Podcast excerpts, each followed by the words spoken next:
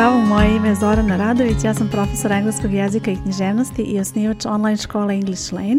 Ovo što sada slušaš je English Lane podcast i u ovoj epizodi ću pričati o greškama sa kursa Engleski 101.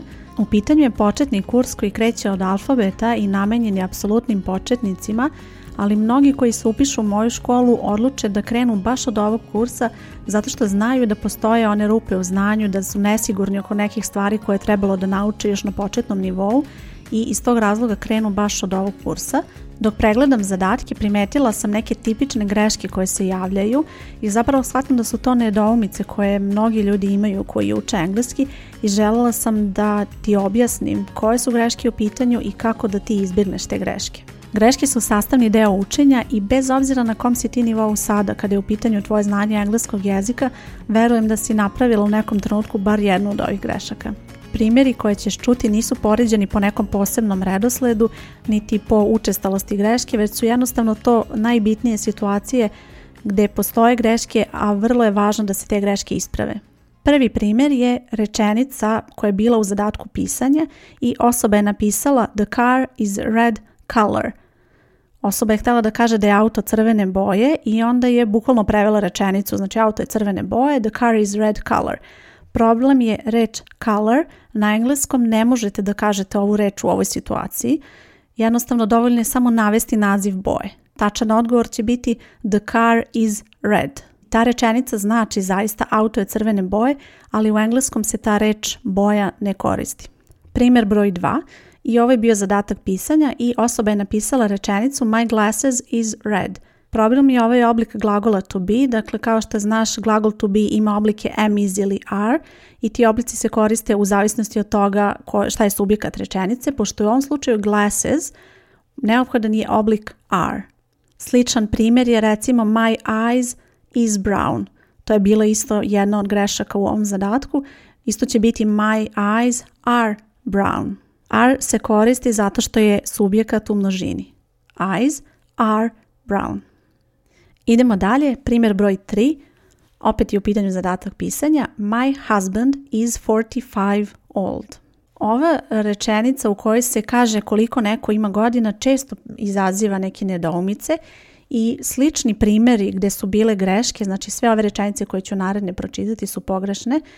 He has 45 years. He is 45 years. He is old 45 years. To su sve varijacije ove rečenice koje sam vidjela u zadacima pisanja koje su slali polaznici, ali nijedna od njih nije tačna. Kada želiš da kažeš koliko neko ima godina na engleskom, postoje dve opcije. Reći ćeš my husband is 45 i to je kompletna rečenica, znači nećeš dodavati godine. I druga opcija je my husband is 45 years old. Dakle, ako dodaješ tu reč godine, years, moraš da dodaš i old. 45 years old. To je kompletna rečenica da bi ona bila tačna. Primjer broj četiri. Rečenica koju ću sada navesti je bila u zadatku prevođenja. Pisalo je ti si mlad i zadatak je bio da se to prevede na engleski jezik. I određen broj polaznika je pisao rečenicu You are a young. Razumem da neko ko krene da uči engleski jezik nije siguran kada treba da upotrebi član. I to je sasvim normalno i treba da prođe dosta vremena da stekneš tu sigurnost i taj, oni što kažu, osjećaj kada se koristi član, kada ne.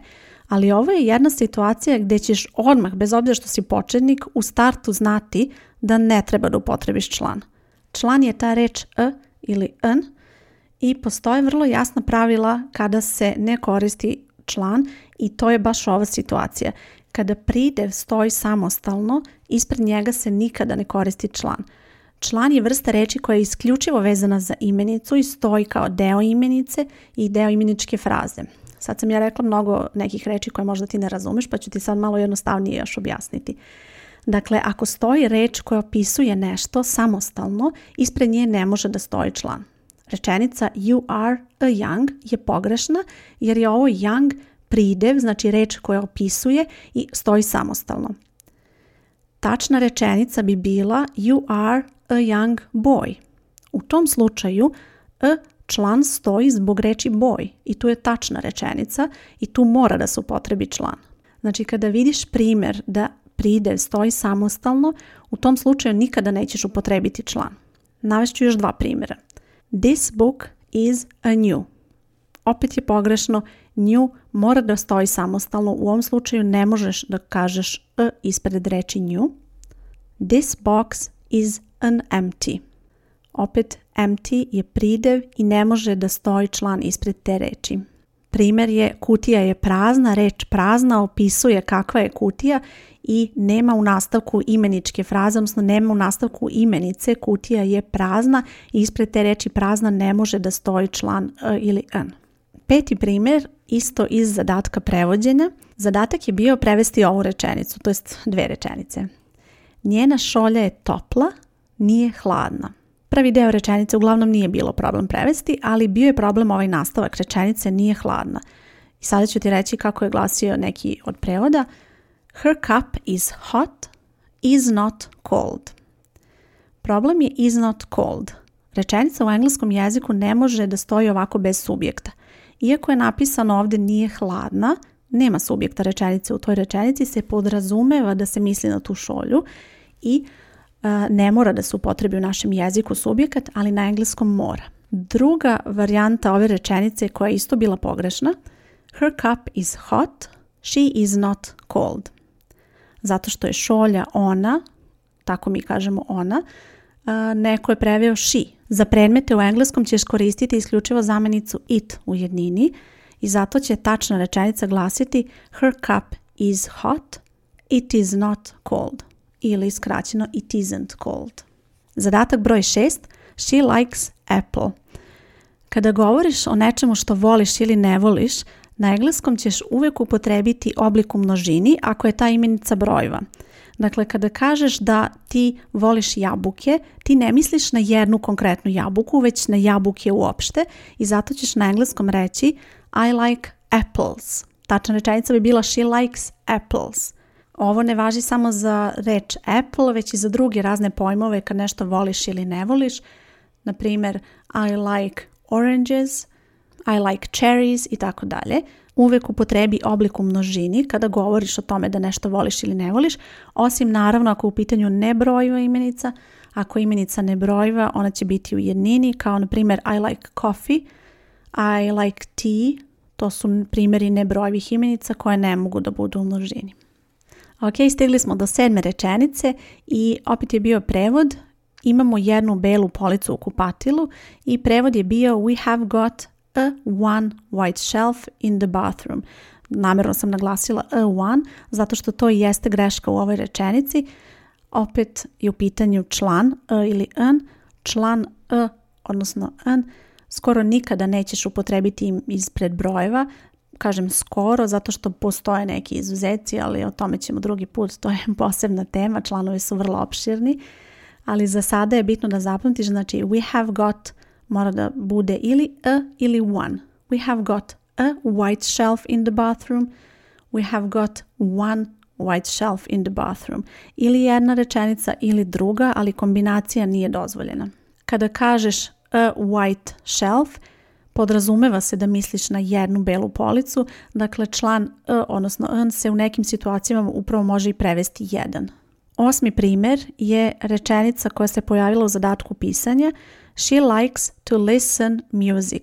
Ova rečenica je pogrešna, ona voli da sluša muziku, nedostaje tu u ovoj rečenici i tačna rečenica će glasiti She likes to listen to music. Dakle, ima dva tu. Ima pre listen i posle listen. Listen to music je fraza, znači uvijek ćeš reći listen to, listen to the radio – Listen to the instructions. Uvijek ćeš reći to tu posle listen. Inače mislim da je učenje kroz greške jako korisno i odličan način da provežbaš to što učiš i da vidiš odmah gdje si pogrešila. Ja se sećam jedne radionice koju smo imali i eh, ja sam na ekranu izlistala rečenice sa kursa početni engleski i onako vidjela sam sa strane da svi gledaju onako i prate, ali sam onda naglasila da su to rečenice koje su oni pisali i da su sve pogrešne. Jer jednom sam vidjela kako su svi polaznici onako se približili i primakli, oni koji su gledali sa telefona, primakli su telefone da vide bolje.